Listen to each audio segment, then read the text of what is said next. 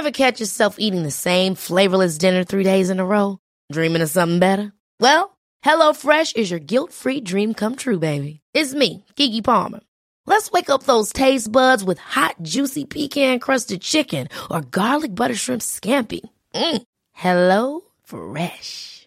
Stop dreaming of all the delicious possibilities and dig in at HelloFresh.com.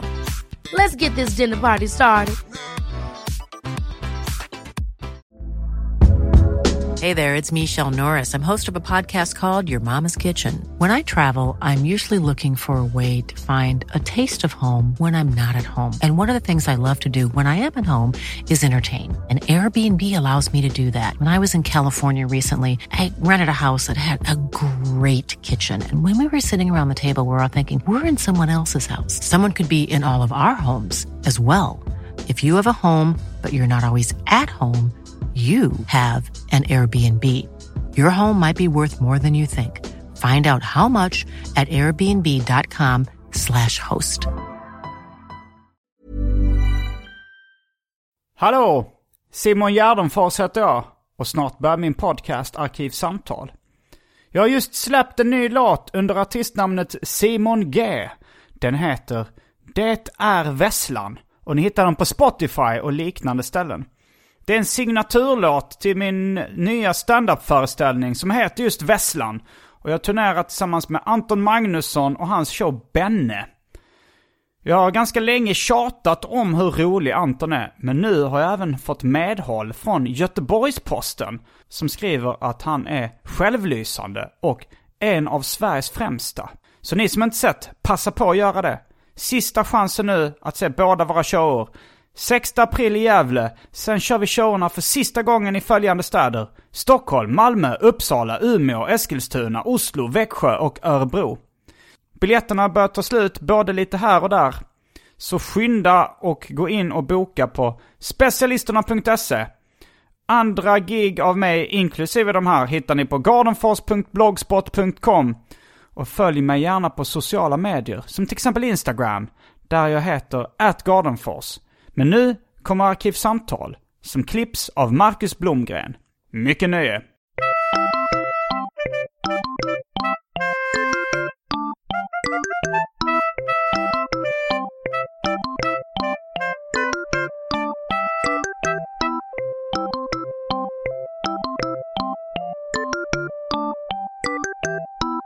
Hej och välkomna till Arkivsamtal. Jag heter Simon Gärdenfors och mitt emot mig sitter...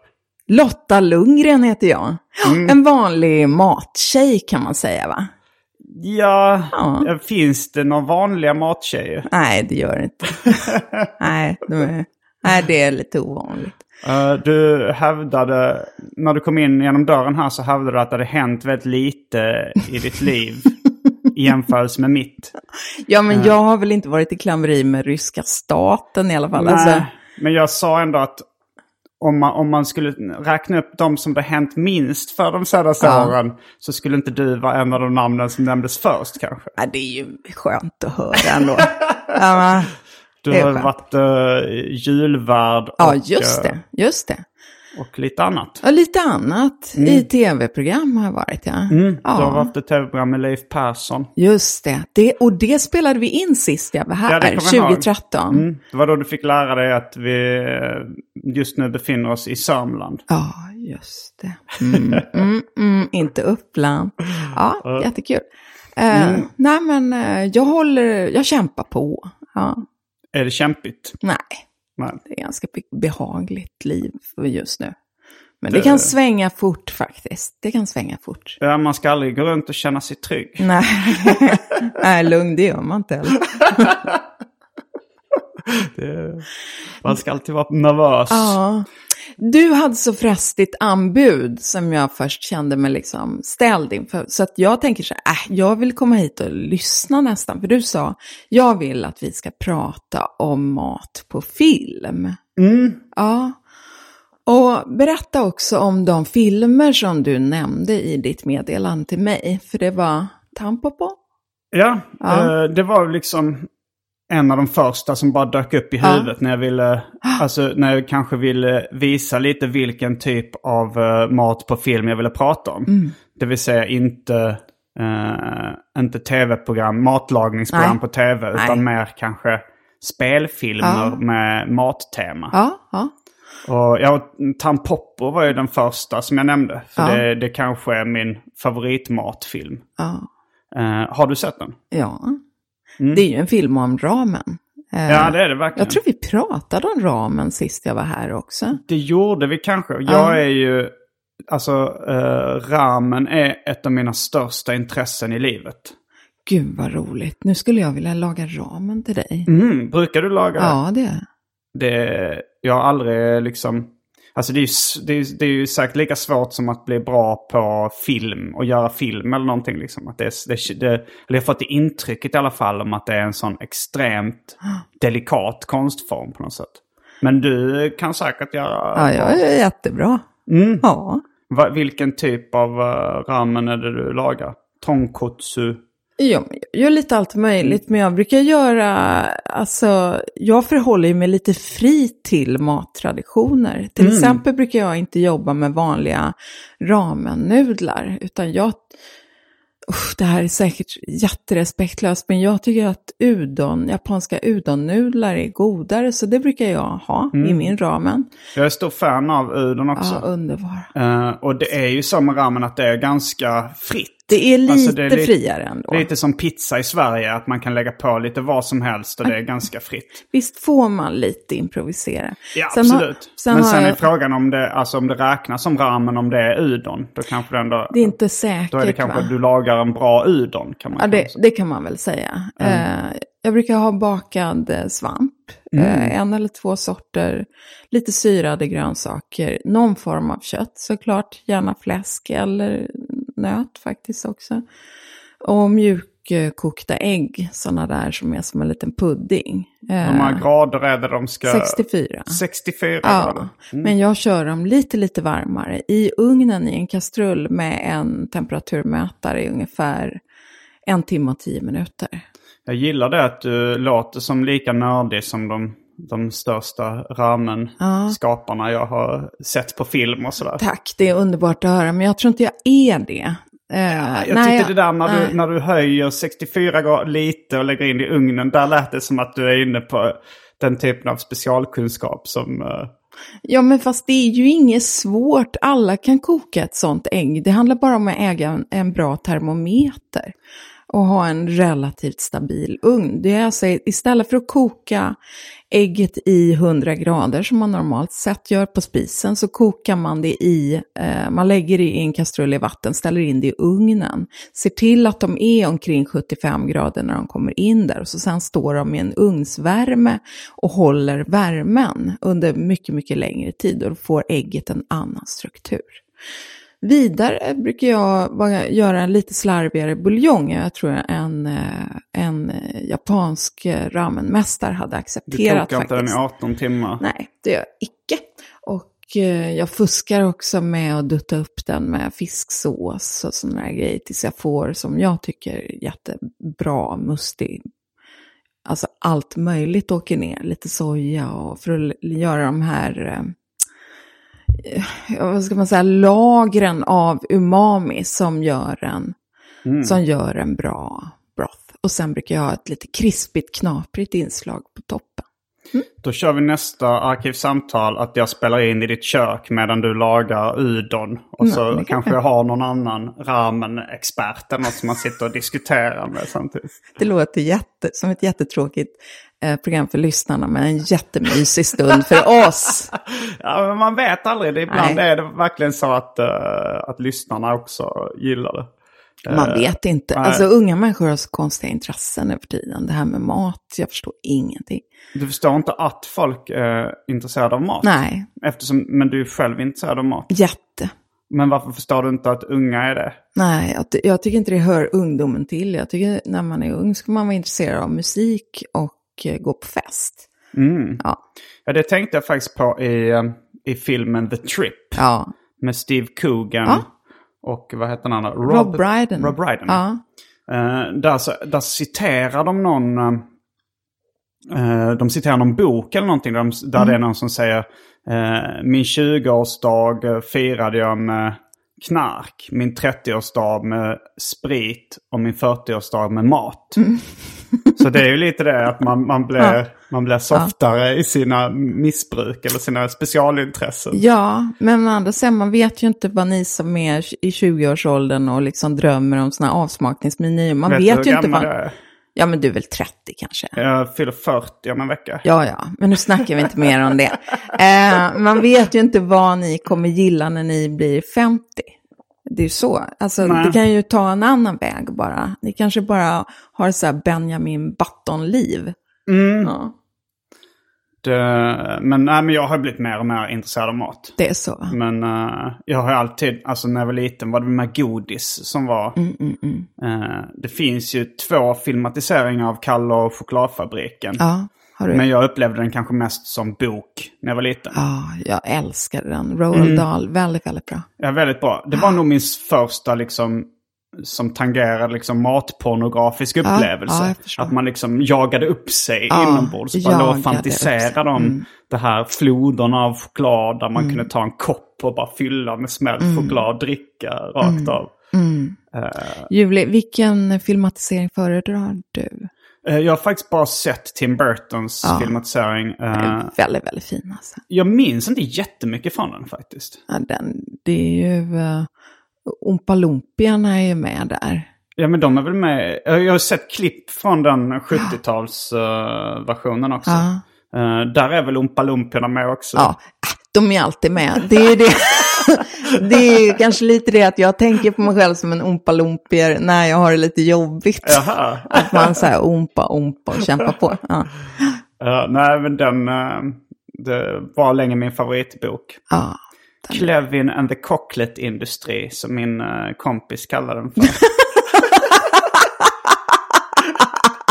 Okej, det var Ja, jag din mi- minns, kompis. eh, Vad jag- gör han idag? Eh, alltså jag, träffade honom, han pluggade nog. Han höll på mycket med rollspel. Okej. Men i alla fall... eh, Man har Fred- lärt sig läsa nu och... Eh, ja, han var rätt bra på att läsa. Fredrik Sjö heter han. Men jag kommer ihåg när vi på engelska lektionen eh, i mellanstadiet, vi gick i samma mellanstadieklass, skulle skriva på ett formulär vilken vår favoritbok var. Då skrev han Clevin and the Cocklet Industry. Gulligt! och jag, jag frågade honom så jag fattade att det var Kalle och chokladfabriken. Ja. Men jag ville då bena upp lite hur han hade tänkt. och då var det eh, Clevin. Det var, eh, han hade läst Kalle och Hobbe som var Calvin and Hobbes. Ah. Så han, han trodde att Kalle på engelska hette Calvin, Mm. eller som han hade tolkat det, Clevin. Clevin. Ja, en Eh, hybrid. And the, inga st- större frågetecken. Uh, cocklet, bara en felstavning av chocolate. Industri, vad han tänkte att fabrik hette på engelska. Clevin and the Cocklet Industry. Nej, väldigt rörande. Men vad roligt. Jag minns nämligen från min barndom att jag var väldigt tagen av skildringar av mat i sagor och sånt också. Och att jag längtade oerhört efter att liksom äta. Det, det, liksom, det snackades, kunde vara mycket om bakelser eh, och konfekter, men framförallt i liksom lite mer sådana här som utspelar sig bland kungar och prinsessor. Det är väldigt mycket läckra pastejer. Mm. Jag tror du nämnde läckra pastejer förra gången du var här också. Ja, ja, ja. Och jag tänkte också på det i uh, Ture Sventon tv-serien. Eh, eller den som var julkalender någon gång på 90-talet. tror jag. Men då ser ju pastejerna ut som stora bröd. Mm, jag fattar. Det kan ju inte vara det. Det måste ju vara något pajartat väldigt Ja. mycket liksom läckrare. Ett bröd kan vi inte säga är ett läcker grej. Ganska- nybakt rykande bröd kan Det ju är vara underbart. Det är det godaste som finns. Men, men med läcker läser jag in någonting lite skörare och mer sublimt. Mhm, Mm, mm. mm, mm. Du tänker som sån här uh, filodeg. Ja, ja, ja, ja. Ja, inte helt fel faktiskt. Nej. Mer något så, Men man tänker på leverpastej. Om man Mm. har vuxit upp som barn i Sverige och hör pastej. Och sen får man se de här liksom pastejerna i Ture Sventon som, Ja. som då bakas i eh, Nordafrika tror Det jag. ser ut Det lite mer som blomkrukor va? Ja, det är blomkrukor med bröd liksom som Ah. bullas upp ovanför. Ja, är inte helt fel. Skulle Nej, det inte backa för den nu. Nej, ja. Jag skulle Mm. nog gilla det faktiskt. Jag var väldigt sugen på när jag läste Asterix. Om man sa de här vildsvins. Mm. Vildsvin. Men nu har du väl ätit det ganska mycket? Ganska mycket. Och det, just den där tanken att man ska kunna bara böja sig ner över ett vildsvin och sen slafsa i sig det. Det köttet har ju inte riktigt den strukturen. Det är ju ett väldigt segt kött. Så att, det är alltså ett hårt kött, inte segt ska jag säga, Mm. men det har en hård struktur med väldigt lite fett i. Så att, eh, Väldigt lite fett. Ja, de ser väldigt glansiga ut Ja. i, i Asterix. sorry, jag fattar inte riktigt. eh, Det kan vara, det, det stämmer inte med, i alla fall inte våra svenska vildsvin.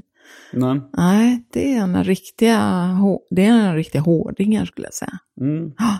Men, eh, men just ramen, om vi ska tillbaka till Tampopo, Mm. där vi började. Eh, när jag såg den filmen, Mm. då, då hade jag nog inte börjat älska ramen ännu. Nej. Det, det gjorde jag när jag, eh, åkte, alltså när jag åkte till Japan och, och var där i tre månader. Det var Mm. då jag blev ett stort fan. Men jag tyckte att filmen var svinbra redan när jag såg den utan att knappt ha ätit rätten. Förutom då i snabbnudelform kanske. Den är ju oerhört rar alltså. Det är en väldigt fin. Ska vi säga någonting om det? Det, eh, det är en film från 1985. Eh, det handlar om änkan Tampopo som har fått tagit över sin, eh, nu ska vi se, sin avlidne mans nudelbar är det va? Och där hon försöker helt enkelt försörja sig genom att laga ramen. Men hon är jätte, jättedålig.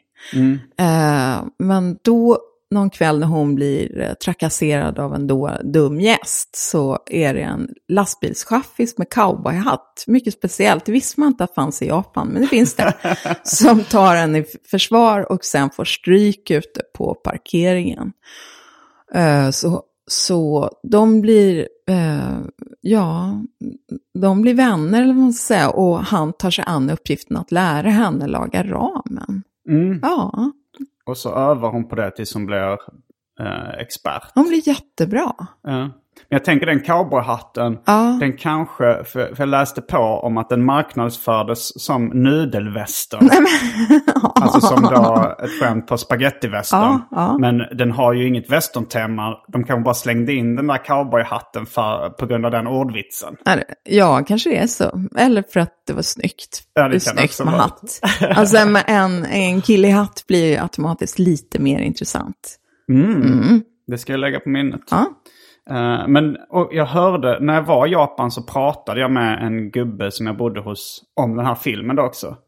Och då berättade han lite olika saker om filmen som jag sen har kollat upp på internet.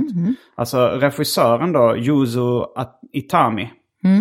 ehm, han, han skapade filmen och eh, han, eh, han, han hittades död. Eller han liksom hade trillat ner från då en, eh, en hög byggnad vid sitt kontor. Och eh, det var lite oklart vad, om det var självmord eller om det var något annat. För det var strax efter, så efter eh, pressen hade då publicerat uppgifter om att han hade haft en utomäktenskaplig affär. Oj. Och, vilket han själv nekade till i sitt självmordsbrev. Ett brev som hittades. Eh, och eh, det fanns en teori om att det var då Yakuzan, maffian, som hade, eh, som hade fått honom att hoppa.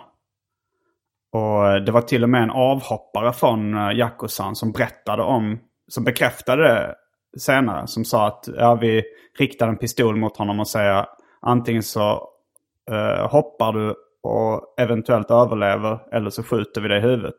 Och han hoppade och överlevde inte. Så det är en väldigt spännande, dramatisk eh, bakgrundsfakta om den här filmen. Och sen också hans eh, barndomsvän eh, och eh, svåger så småningom. Eh, som heter Kenzaburo Oe. Gamla Kansabore Oe har Känner man ju läst. En författare. Ja, han är till och med Nobelpristagare. Ja, så, var det kanske. Ja. Ja. Jag, jag kände inte till honom sen innan. Nej, men, jag, Men eh, du gör det. jag har tydligen läst honom. Mm. Ja. Han, har till och med, han har då skrivit en, eh, en bok en roman om, eh, om sin vänskap med Yuzo Itami som regisserar Tampopo. Och kanske skrev den också, jag minns inte. Men berätta, vad är det du eh, tycker så mycket om i filmen Tampopo? Vad, vad berör dig? Ja, dels är det ju um, nördigheten av eh, när, när hon liksom anstränger sig så mycket för att laga världens bästa ramen. Jag, jag såg i någon film, jag tror det var den här en Exit through the gift shop. Ja. Där, eh, där någon säger, eh, där någon säger, uttalar repliken I respect passion. Det är fint. Och det, det kan jag lite relatera till. Alltså just när någon är väldigt passionerad för någonting. Alltså jag, jag är intresserad av olika subkulturer och nördighet i allmänhet. När någon verkligen så brinner för någonting då blir jag ganska berörd av det. Det kan jag relatera till det själv eftersom jag har liksom så starka specialintressen själv. Ja, ja, vad fint. Eh, för det hänger ju ihop med den andra filmen som du eh, nämnde eh, när vi eh, pratades om den här podden, att vi skulle spela in den. Då sa du, nämnde du Giro Dreams of Sushi. Ja, just det. Ja.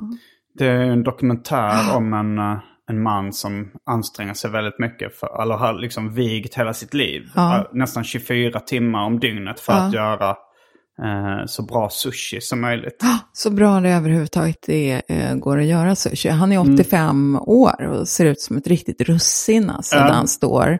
Och tittar som en ödla på eh, alla som äter hans sushi. Eh, han serverar en, det är 20 bitar va, som han äter. Ja, I något en i ordning va, i någon form av ordning tror jag. Ja. Eh, till ett pris av ungefär 3 000 kronor per person. Jag vet inte om dryck ingår, jag tror inte det.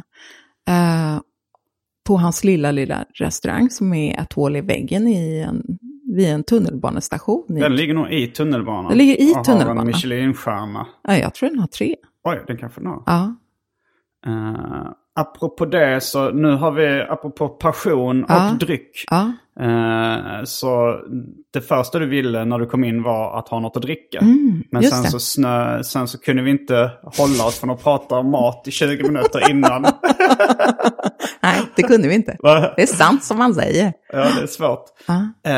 Eh, så vi kanske ska kasta oss in på det omåttligt populära inslaget Välj drycken. Åh,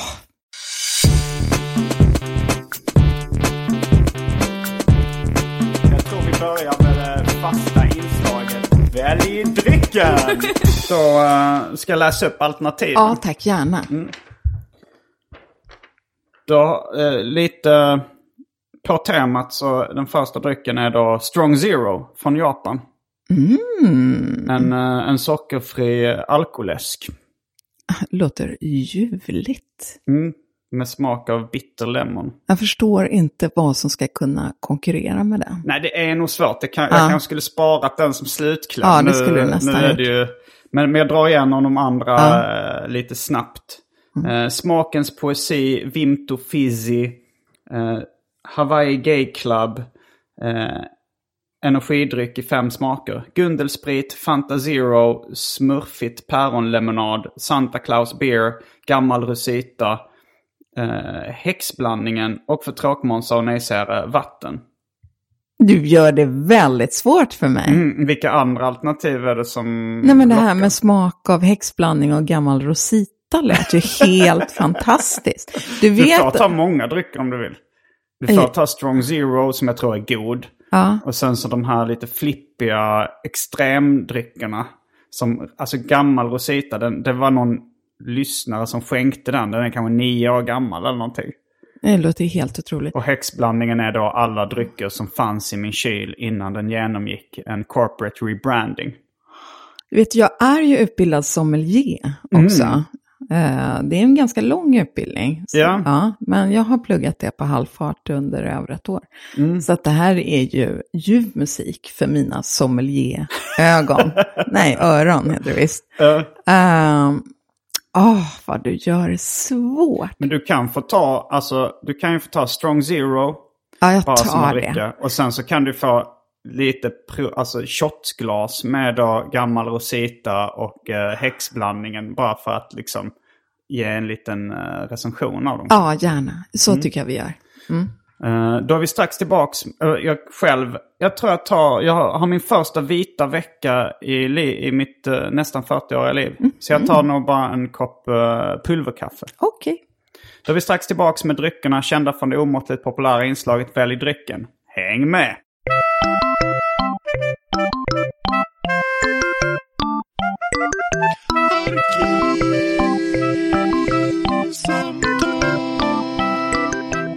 Då är vi tillbaks med dryckerna kända från det omåttligt populära inslaget Välj drycken. Och jag orkade inte vänta på att kaffet skulle bli varmt så jag tog ett glas Fanta Zero istället. Gott. Mm. Och du har fått, eh, är det rositan eller häxblandningen du... Nu tror jag Ah, du att... hällde i rositan i häxblandningen? Nej, Eller? nej, jag har inte hällt någonting. Utan, nej, det står kvar. Häxblandningen tror jag, tror jag står kvar, eller? Eller är det här häxblandningen jag har? Jag tror jag hällde upp lite häxblandning i glaset. Är det det här? Jag får nog, jag får nog vänta, göra... Eller du har inte hällt upp någonting? Nej. Då är det här häxblandningen. Ja. Det här är den nioåriga rositan. Och det här är strong zero. ja, intressant. Jag tar lite, jag tänkte börja med rositan. Den är nioårig, kan vara tioårig eftersom det var ganska länge sedan jag fick den från den här gästen. Ja, det här är ju en klassisk, det är ju en rosita, det är ju omisskännligt. Det. Den har, har den, hur har liksom lagringen påverkat den? Den har inte blivit vinäger? Absolut inte, utan den är fullt fin. Det här är ett starkt vin så att de är oerhört eh, hållbara. Mm. Eh, den är fin på näsan skulle man säga. Mm. Det är en tydlig, ganska syntetisk arom. Det är svårt att säga vad det är för frukt det ska föreställa, men Ja, är det inte körsbär? Ja, det är nätt och jämnt. Jag, jag säger stenfrukt, någon form av, men så, så väldigt körsbärsorienterad är den inte. Lotta dekanterade också lite så här genom att snurra. Mm. Eh, Ja, där kommer, där kommer alkoholen. Den är där. den, var inte, äck, den var inte direkt äcklig? eller? Nej, det är inget fel på den. Nej. Eh, den har ju den här bittertonen väldigt tydlig. Jag Mm. tror att det är någon form av, är det inte apelsin och grapefrukt? Jag tror, det var, den, den luktade stenfrukt men den smakar snarare liksom klibbig apelsin. Mm. Mm. Och framförallt väldigt mycket eh, alkohol på gränsen till lösningsmedel faktiskt. nu tar jag häxblandningen. Mm. Den eh, kanske är mer i genren äcklig. Ja, jag tycker det luktar gott faktiskt. Oj, oj. Ja.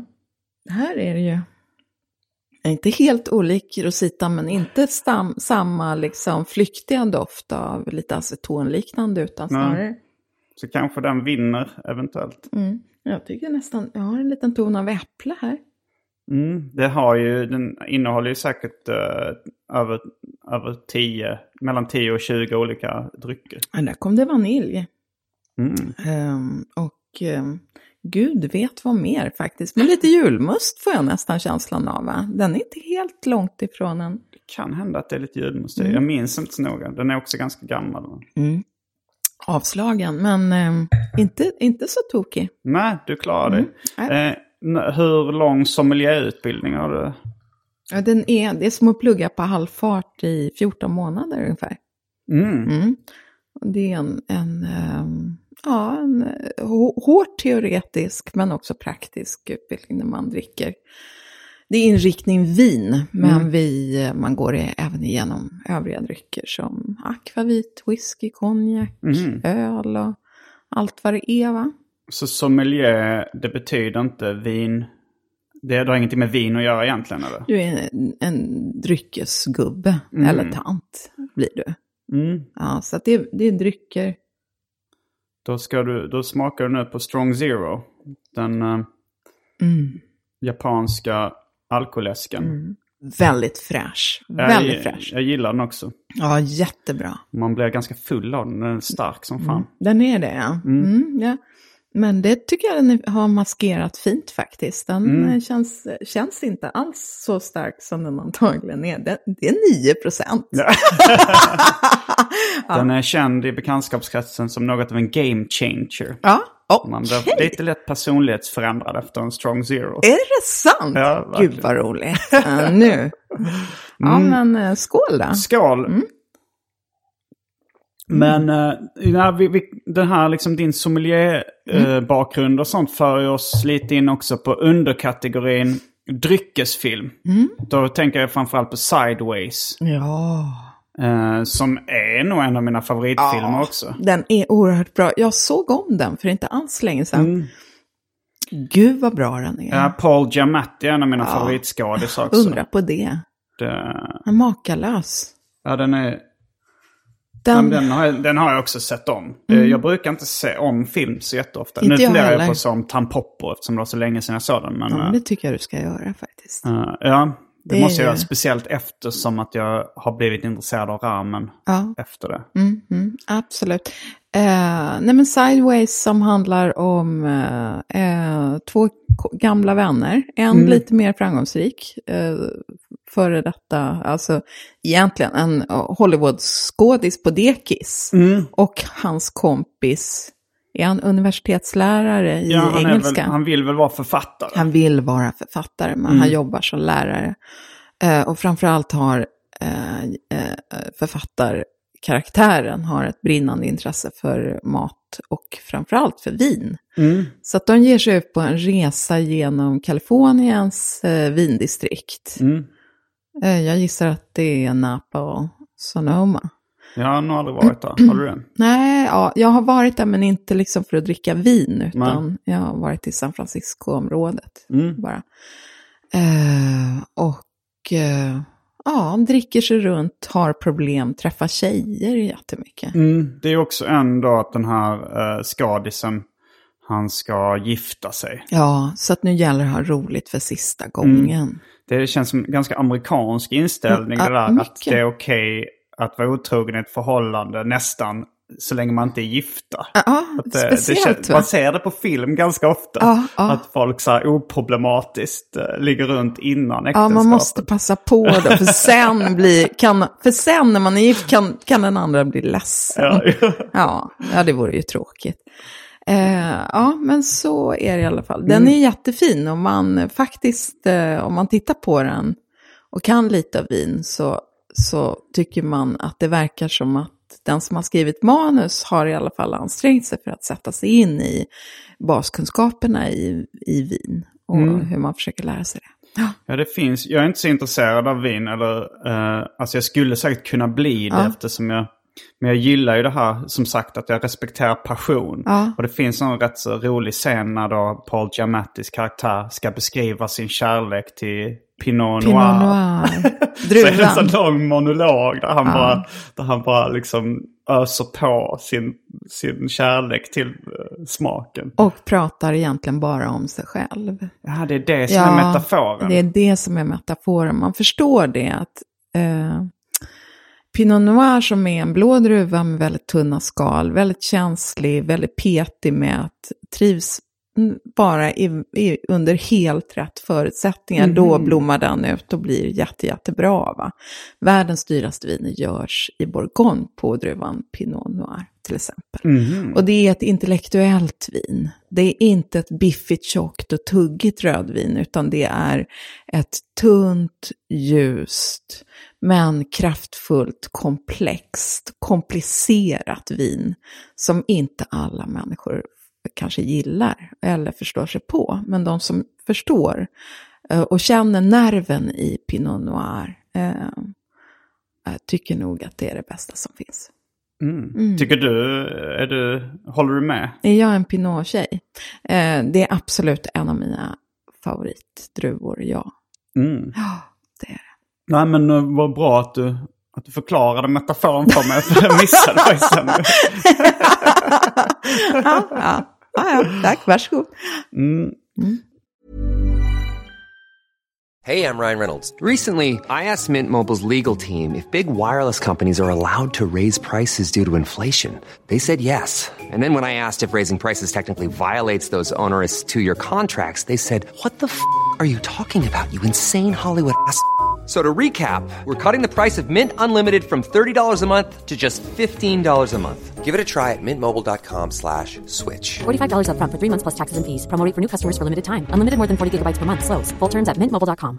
Even on a budget, quality is non-negotiable. That's why Quince is the place to score high-end essentials at 50 to 80% less than similar brands. Get your hands on buttery soft cashmere sweaters from just 60 bucks, Italian leather jackets, and so much more. And the best part about Quince, they exclusively partner with factories committed to safe, ethical, and responsible manufacturing. Elevate your style without the elevated price tag with Quince. Go to quince.com slash upgrade for free shipping and 365-day returns. Cool fact a crocodile can't stick out its tongue. Also, you can get health insurance for a month or just under a year in some states. United Healthcare short term insurance plans, underwritten by Golden Rule Insurance Company, offer flexible, budget friendly coverage for you. Learn more at uh1.com.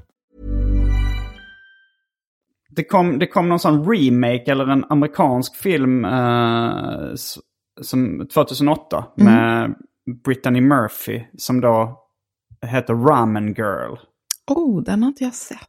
Ja, den är inte alls lika bra som Tampopo. Nej. Eh, men den innehåller, ehm, den innehåller liksom, och det är, det är inte riktigt samma manus. Nej. Men den, den innehåller väldigt mycket blinkningar då till Tampopo. Den är förmodligen eh, inspirerad av den.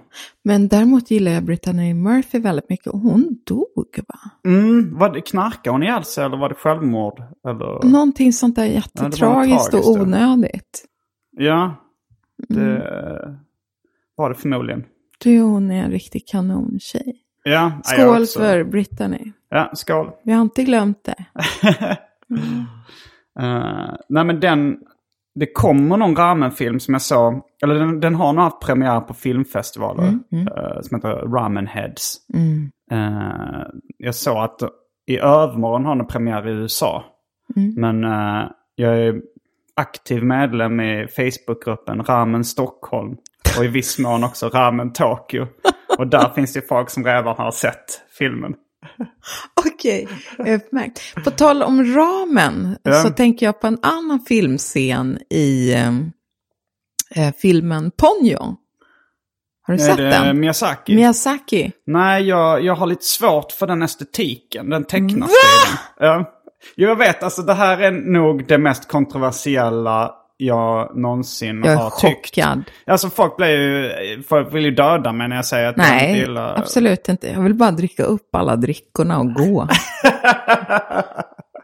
ja, det kommer ta lite tid, så vi kommer nog hinna ta- med podden i alla Ja, fall. det kommer vi göra.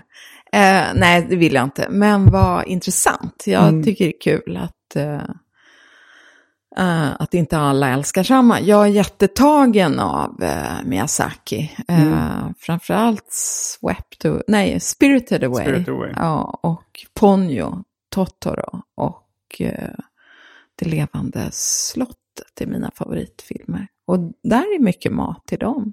Jo, det är ju det. Ja. Synd bara att de är fula och tråkiga. De är vackra och väldigt rörande.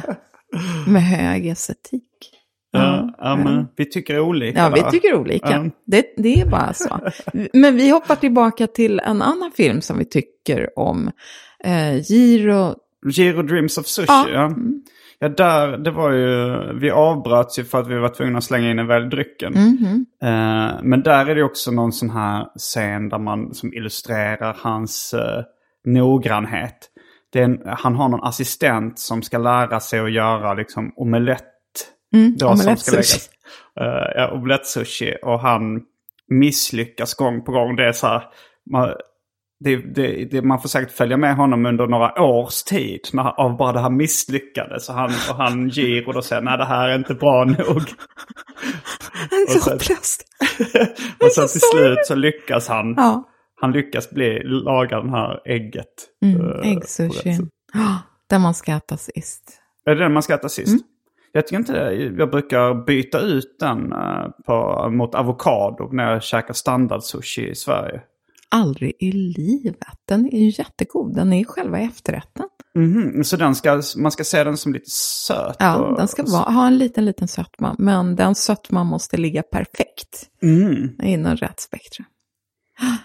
Jag kan inte göra sushi, jag har aldrig gjort det. Men jag har ju ätit en och annan.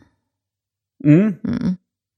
Ehm, ja, men du nämnde också när vi snackade om, uh, om matfilm. Alltså, du, Det blev ganska många du rabblade upp Ja. i förbifarten. Ja, det verkade så jag kunde lite ändå. Ja. Va? Ja, jo, jo det, det stämmer. Sodoms 120 dagar. Ja, den tog jag upp ja. Ja, det var det första. Piero. Pasolini, ja, det, den kom efter på en sekund ja. Ja, ja. Det är ju egentligen inte en matfilm om man ska vara Nej, petnoga. det, de äter bullar med spik i Ja. och bajs. Ja, det är det de äter faktiskt men i den det, filmen. Ja, men, Men det, det har ju just- också, alltså det gav väldigt starkt intryck på mig. Något så fruktansvärt starkt. Jag såg den när jag gick på gymnasiet, vet jag. Den liksom ingick, jag, jag vet inte om det brukar vara så i den åldern, att man kämpar så oerhört hårt för att komma åt de där upplevelserna som är liksom så extra starka hela tiden. Jag vet att eh, jag var ständigt på jakt efter sådana här eh, det sjukaste, konstigaste. Mm, det fanns, jag eh, jag vet, eh, vad heter han, gamla fläskkvartetten numera inte lever längre. Eh, Ja, nu gamla det still i farbror. huvudet med också, men... eh, ja, men varför kan vi inte komma på det? Jag känner mig, Freddie Wadling. ja, just det. Freddie Wadling, eller om det möjligtvis var någon som spelade med Freddie Wadling, hade en filmklubb i Göteborg, där jag är uppvuxen, som, spel, som liksom visade skitkonstiga filmer. Och där, dit kunde man gå och titta på filmer av en riktig obduktion. Mm. Eh, man kunde gå och se en film om Bodil Jönsson, eller Jensen möjligtvis, som bodde på en gård utanför Danmark och pysslade med tidelag. Så, Mm. eh, jag har sett båda de här filmerna. Det var lite JVVF-tema. Jag Ja. vill vara farlig. Ja, Mm. ja det, det var mycket sådana filmer, men jag, gick, jag, jag var med. Mm. Ja. Um, jag såg dem 120 dagar. Ja. Jag gjorde en bok som heter Simons 120 dagar som är en anspelning på den titeln. Mm, mm. Och jag har ju även gjort uh, The Äta Bajs Tour tillsammans med Albin Olsson. Som, har, som du har spelat in uh, 80 väldigt goda mackor-podden. Jo, jo, men jag känner Albin. Ja. Jag tycker jättemycket om honom. Han är Ja. underbar människa. Mm. Eh, o- otroligt rar och rolig. Och från Göteborg, ja, eller från Västsverige i alla fall. Ja, Lycke. Lycka. Ja, Eh, nej men den filmen, jag kommer ihåg när det var bara, jag bodde i Lund, när jag hörde talas om den, då var det liksom en kille som bara kom på gatan med uppspärrade ögon Ja. och hade liksom hyrt den här filmen Ja, och såg dem sina ja. 20 dagar. Men den är ju lite långtråkig när man väl ska ta sig igenom den tycker jag.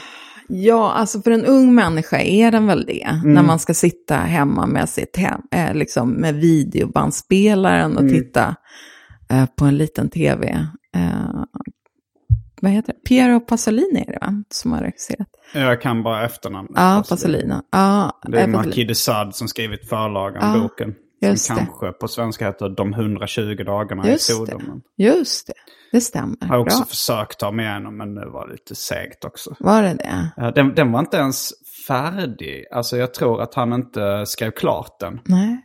I slutet är det bara så anteckningar på grejer som han vill ha med i boken. alltså det står kanske så här, ja, jag ska bryta mot det religiösa tabuet och så, här, så är det kanske så här, men knulla en get med ett krucifix. Alltså bara så här slappa anteckningar på grejer som han vill ha med. Ja, speciellt. Nej, men det är väl också, Marquis de Sade är väl också ett exempel på mycket passionerad människa, fast liksom kanske inne på en form, en njutningskategori som inte är för alla. Nej, det är Nej. till och med eh, hans namn som ligger till grund för uttrycket sadism. Ja, Så precis. att, eh, det är imponerande. För er som gillar att slåss. Mm. En tagline. Ja, nej, jag är gammal copywriter. Ehm, mm, nej, men, eh, nej, men jag tänkte på, när jag tittar på eh, Giro, eh, så tycker jag om filmen, för den är väldigt, väldigt välgjord. Eh, och det är riktiga människor och deras relationer i sinsemellan är intressanta. Och jag tycker det är kul hur han står och tittar på de här människorna som sitter moltysta och äter den här totalt utsökta sushin som antagligen är världens bästa sush- sushi. Om jag får prata lite om mig själv, vad tråkigt. men jag gör det ändå. Nej, men jag har tänkt på varför det aldrig blir så där med, för mig och mat. Att jag, att jag kanske inte hur intresserad jag än är av mat så tittar jag på ganska lite på, på den här typen av filmer. Jag tittar inte på de här Chef's Table, fast jag vet att de finns och de är tillgängliga. Jag har också Netflix. Och, för jag har inte den grejen med mat alls. Jag har inte den här jakten på det perfekta. Och jag har gått på en del, några stycken trestjärniga restauranger i mitt liv och jag har alltid tyckt att det har varit eh, sådär Mm. som upplevelse betraktat. Jag har alltid tyckt att det har varit liksom, en inte mysig upplevelse alls för mig. Nej, så känner jag också när jag är på liksom fine dining. Ja. Jag är egentligen mer snabbmatsentusiast. Verkligen. Alltså totalt. Mycket mer gå till liksom ett skitigt ställe där man äter direkt ur stekpannan. Det, är- det är mitt godaste. Det är mitt godaste. Det är att stå, stå inte längre än 40 centimeter från ett stekbord eh, och äta den maten. Det tycker jag är fantastiskt. Medan fine dining, det är, det är för mig döda tummade kluttar som kommer in, en efter en, oerhört utsökta. En konstform, absolut. Men jag som ändå tycker jag är, är, uppskattar många konstformer, har svårt för just denna som ändå har en koppling till det jag själv arbetar med och tycker allra mest om. Jag kan faktiskt inte riktigt svara va- på varför det är så. Att jag, jag, jag har inte, för mig, min, om jag skulle sammanfatta hur min passion inom mat, vad den syftar till, vad, vad är mitt mål? Om man då säger att vissa har ett mål att få, Giro har ett mål att få fyra stjärnor tror jag i Guide Mich- Michelin, så är mitt mål att det vore väldigt kul, men det kommer aldrig hända och jag är okej med det. Men det vore att liksom uppfinna en rätt som är det nya spagetti och köttfärssås Mm. hemma hos folk. Alltså eh, att skapa en rätt som sen blir en, en standard. Som blir en standard eh, hemma på standardmenyn. Mm. Det, är- det är liksom, det är min dröm. Jo, men jag tror där tycker vi nog ganska mycket samma. Alltså om man, om man, men om man jämför det med om man uppskattar musik väldigt mycket.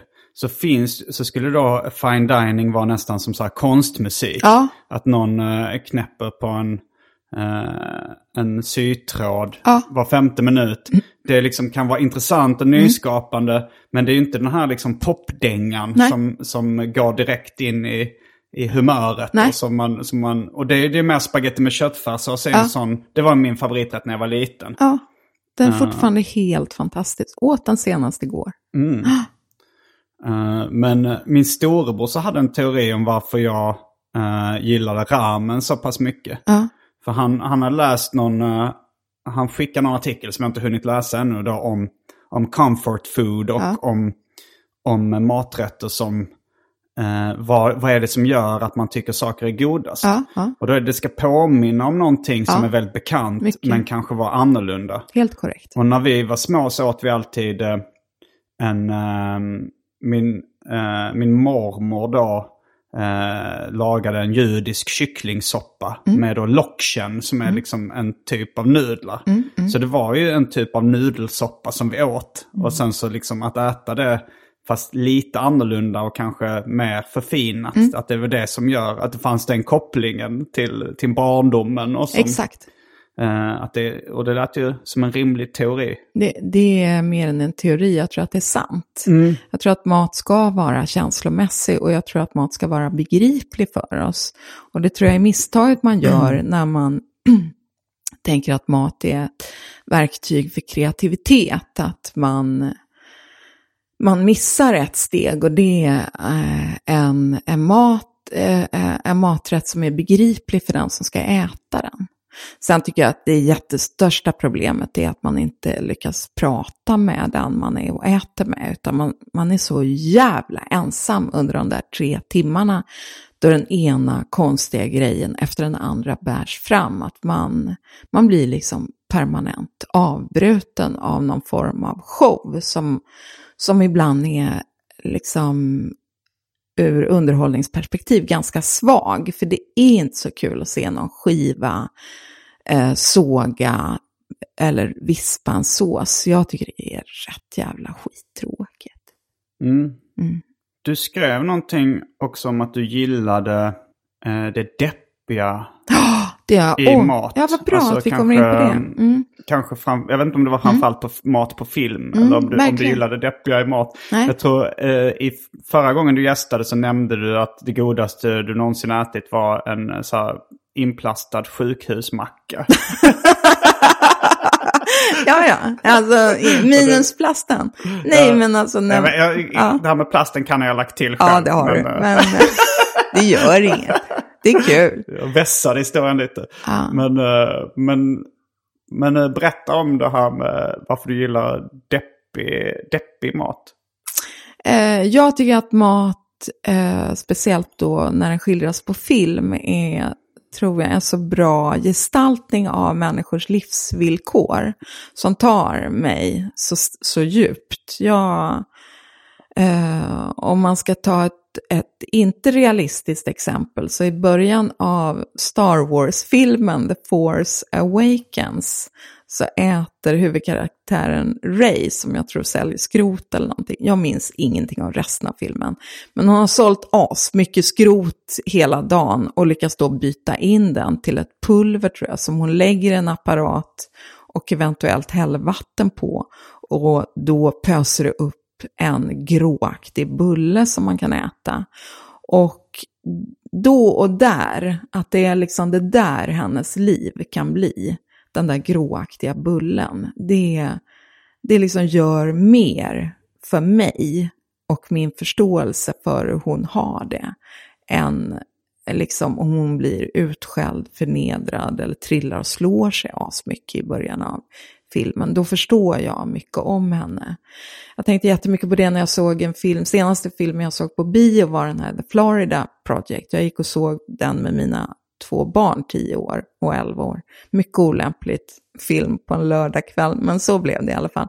Som handlar om um, en sån där jätteung mamma som bor med sin unge på ett sånt där motell utanför Disneyland i Florida. Ett så här äckligt De bor motell. permanent på motell. Ja, jag har bott på sådana här hotell när vi spelade in tv i USA. Det är ju liksom ett Vilket program var det ni spelade in? Bye Bye Sverige. Eh, då, det är ju liksom som ett uppsamlingsställe för psykfall och knarkare och eh, liksom otroligt utsatta människor. Men de bor där, de där ungarna lever där på den parkeringen och framförallt så lever ungarna på eh, våfflor eh, som, de, som de får gratis. Hon, mamman har en kompis som jobbar som servitris på ett sånt där våffelhus. Ja, det är någon kedja som heter Waffle House. ja, Waffle House, ja, Mm. precis.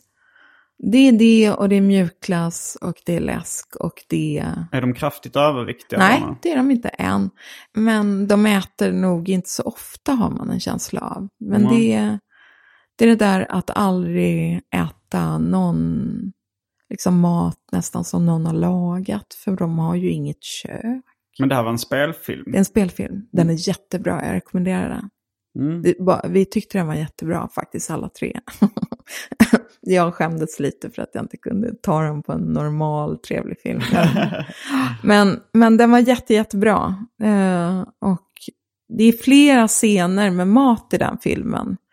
Bland annat hon blir osams, mamman blir osams med sin servitriskompis som tidigare har gett henne gratis våfflor en gång om dagen.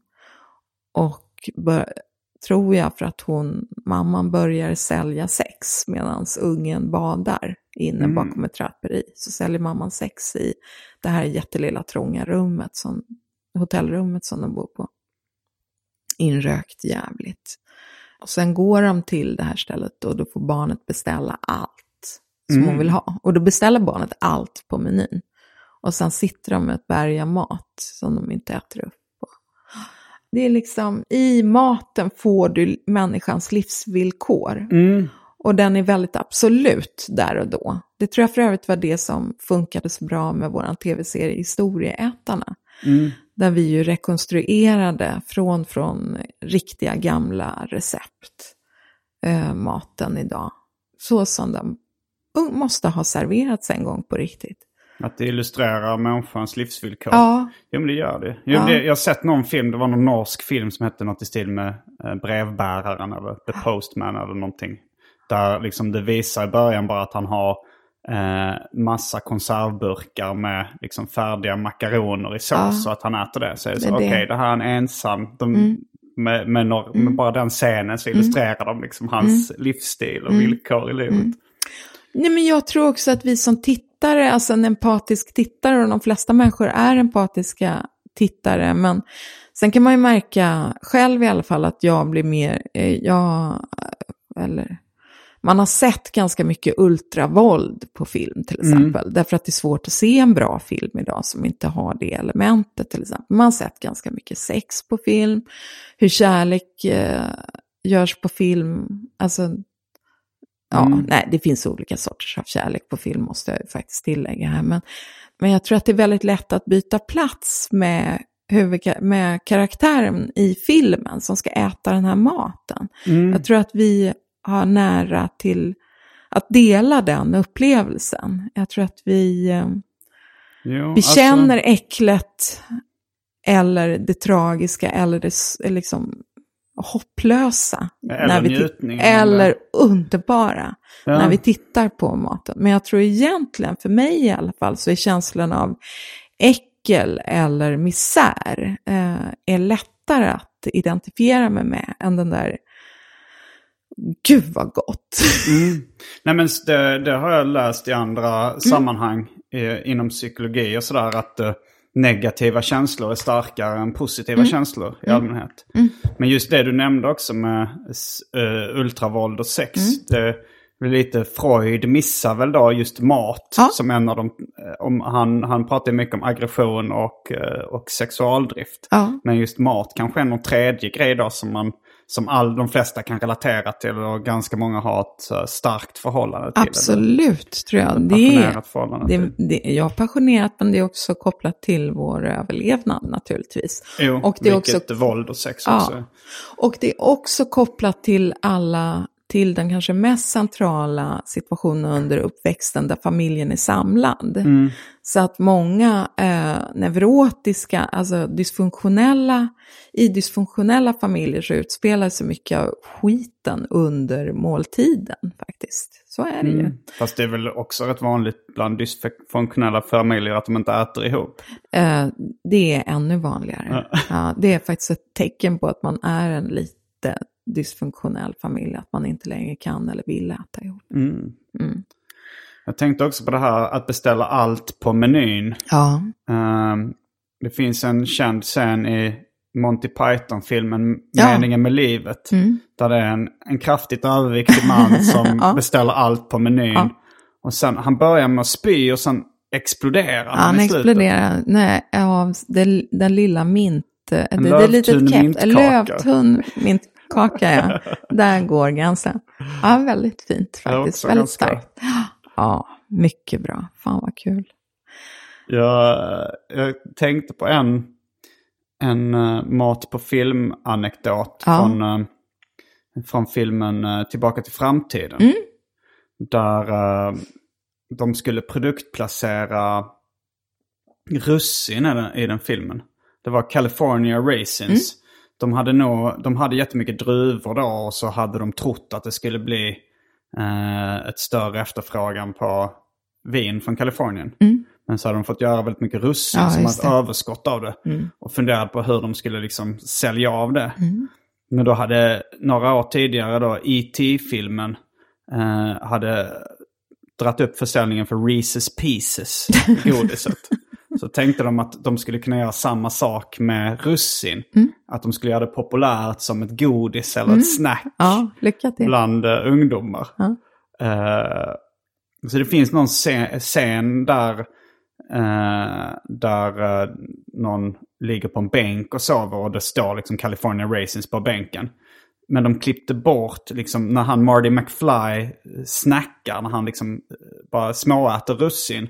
Den klippte de bort den scenen för att filmregissören, alltså när man, när man bara ser en skål med russin eh, på film så sa då regissören att det ser ut som en skål med bajs Ja. som står på bordet. Att det såg så äckligt ut. Att han, ja, tråkigt. Men eh, ja. Så. Tråkigt men kul. Ja, tråkigt men väldigt kul. Mm. Ja, mycket roligt måste jag säga. Ja, jag har, jag har liksom en ganska lång lista av Kör. bara så... Ja, kör. Jag, vi kommer inte kunna gå igenom alla, men, eh, men det finns ju eh, de här massa dokumentärer om, om mat Mm. på, eh, på Netflix. Förutom då, jag såg en, en eh, lite olika sriracha-dokumentären Mhm. om uh, sriracha-såsen. Mm.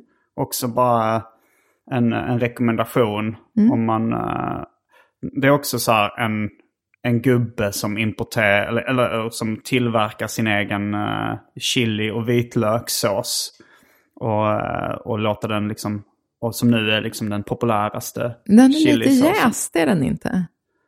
Jag vet inte. Om den är... Nej, jag vet inte. För den är ju liksom, eh, den har ju någon eh, extra stuns bakom Mm. det där eh, chilihettan. Som är lite god alltså. Ja, den har blivit extremt populär på Ja. sista tiden. Ja, den, Eh. man kan blanda den med majonnäs. Ja, ja sriracha-majonnäs Ja, känns yes. som en väldigt trendig sås. På. Men, men det är ingen så här kort dokumentär som Mm. kanske är 20 minuter, en halvtimme. Mm. Det finns en ännu kortare dokumentär eh, som man kan hitta på YouTube som heter eh, Why Rappers Love Grey Poupon. Oh, Och det är då om uh, Dijon-senapen Grey Poupon. och varför den, för, man får svaret på varför den förekommer så ofta i raptexter. det var roligt. Ja, det är rätt rolig Är, inte, är inte det någonting som Beyoncé sjunger, att hon alltid har starka såsen i sin väska till sin kille? För när de går på restaurang och det är inte starkt nog för honom så ska hon då, som jag förstår det, kunna hiva upp sin starka såsen. Ja, men det är, det är inte Grey Poupon som är en senap, utan det är nog bara hot sauce. Det är bara hot är- sauce. Ja, jag eh, tänker att man gillar liksom lite hårda smaker. Va? Ja, det men det är också vara- lite så afroamerikanskt kodat i USA numera. Men det kanske var också lite via Beyoncé som det blev det. Ja. Jag har för mig att det var Hillary Clinton som, eh, som blev då anklagad för att hon försökte fjäska för den svarta valkretsen. Mm. Genom att säga att hon, hon då sa också att hon hade en flaska hot sauce i sin, i sin eh, Nej, man måste vara handväska. trovärdig alltså. ja, jag har en kompis som gick omkring med ett paket kalvfärs i sin handväska. Det var ju också, Kalvfärs? Ja, av misstag. Aha. I liksom flera veckor och undrade varför det luktade så illa. Mm. Mm. Jag såg någon i skolan som hade, jag tror det var O'Hoy kolasås han hade i sitt skåp. Okej. Alltid. För han ville ha det liksom till skolmaten av någon jävla anledning. Det kanske var att han hottade upp uh, risgrynsgröten eller någonting kan jag tänka mig. Är, Så ofta är det inte risgrynsgröt i skolan. nej, det är inte så ofta någonting man kan använda O'Hoy. Nej, den är ju rätt så smal som sås betraktad Ja. faktiskt, kolasåsen. Det kan Men- också vara bara så att han vill göra någonting till sin grej. Ja, det kan... Det, det är ganska kul att ha Ja. en grej. Det är han som... Ja, ja, det kan ha varit så i alla fall. Ja, ja roligt. Det fanns även um, Netflix-dokumentär som jag sa som heter The Search for General Tsao. Som var då en, handlar om en eh, amerikansk kinesisk eh, maträtt som heter General Tsao's Chicken. Som en, om man går på Kina-restaurang i USA så är, det en av de vanligaste maträtterna där. Den finns också i Sverige på vissa ställen. Det är liksom kyckling som är så här i så här krispig frityrsmet. Mm, och sen så, fast det ligger ändå i sås, liksom, så den mjukas upp lite. Eh, och den här dokumentären då försöker de hitta ursprunget till den rätten. Lyckas att- de? Ja, det Ja. gör de. Eh, Men det är ganska spännande för i början så har de inga ledtrådar alls. För den finns bara i USA och ingen, ingen av dem som serverar den vet var den kommer ifrån från början. Men det är ju som jag som har letat efter det här receptet på Olof Palmes glass i liksom åratal. Det har jag läst någonting Ja. om. Jag vet inte om det Ja, var men- du som skrev det eller om det var någon annanstans. Ja, säkert. Men vad, berätta om det. Nej, men det, det ska finnas ett recept. Och hur det här har en koppling till Olof Palme, det vet inte jag. Jag tycker det verkar osannolikt att det är ett recept som han har hittat på. Eh, jag, jag har ingen känsla för att han var en matlagande människa. Inte Lisbeth heller. Men i alla fall så finns det ett recept som heter Olof Palmes glass och som ska vara helt magiskt. Men det går inte att få tag på. Eh, det finns liksom ingenstans. Ingen, ingen har det, ingen vet vad det är. Men sen hittade jag en människa som, eh, som visste vad det var eh, och dessutom hade receptet. Men inte avslöjade det. Va? Yes. För att man får inte avslöja det. Okej, men hur fick den personen reda på det då? Ja, det, det har jag liksom inte grävt i, utan jag fick ett tydligt nej. Du fick inte ens smaka glassen? Eh, det skulle jag kanske kunna få om jag blev hembjuden någon gång, så att det var inte så.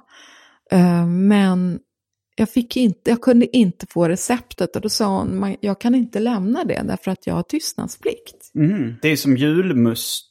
Det är Ja, också ett så här, de, det är så här, de har väl sådana regler att två personer som får inte flyga samtidigt som har deras, kan det receptet. För att om det planet skulle störta så är det försvunnit för... precis. Eller som whiskydestillerierna i Skottland som har två lås på dörren till eh, liksom, anläggningen. Så att båda måste komma och låsa upp. För att en, det ska inte kunna vara en som går in bara, utan båda måste vara, för det är så hemligt allting.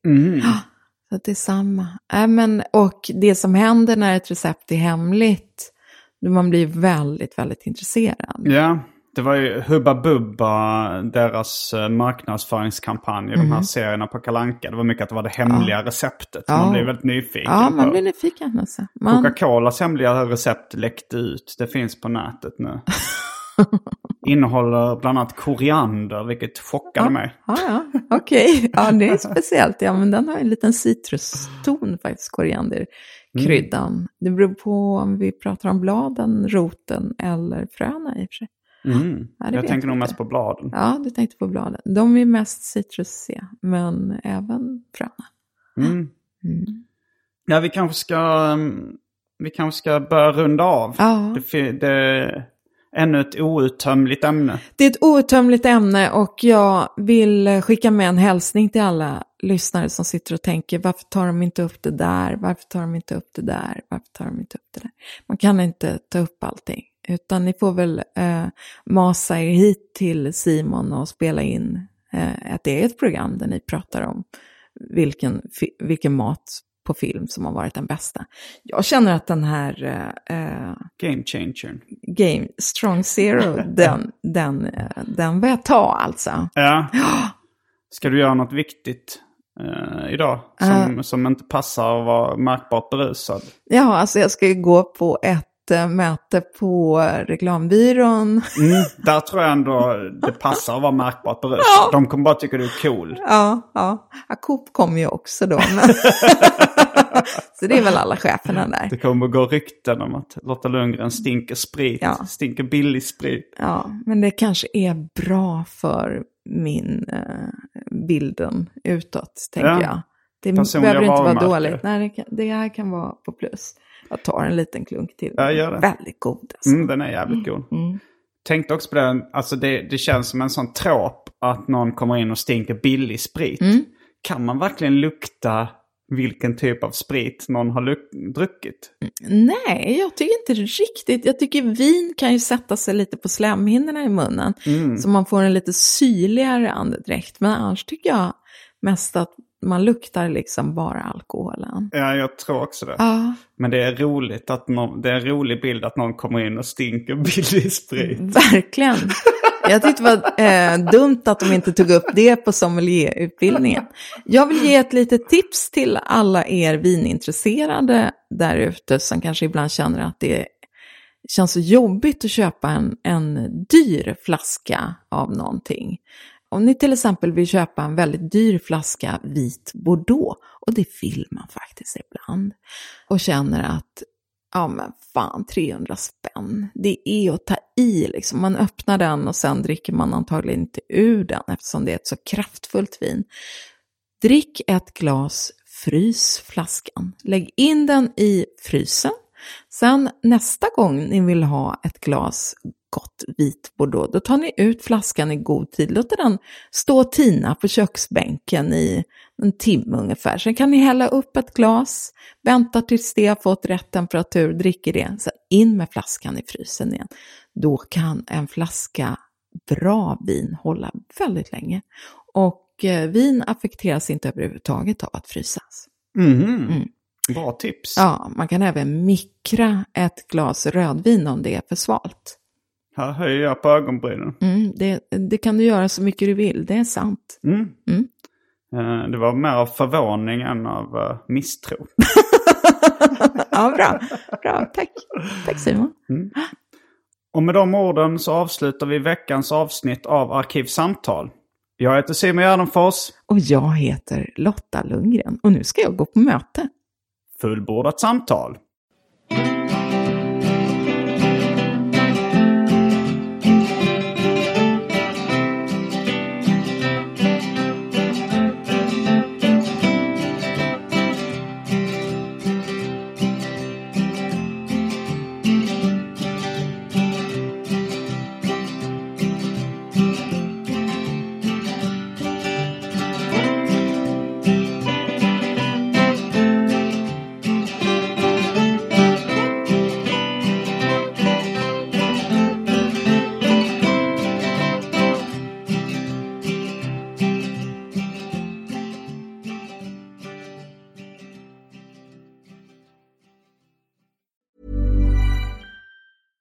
Ever catch yourself eating the same flavorless dinner three days in a row?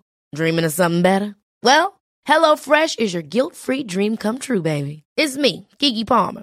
Let's wake up those taste buds with hot, juicy pecan-crusted chicken or garlic butter shrimp scampi.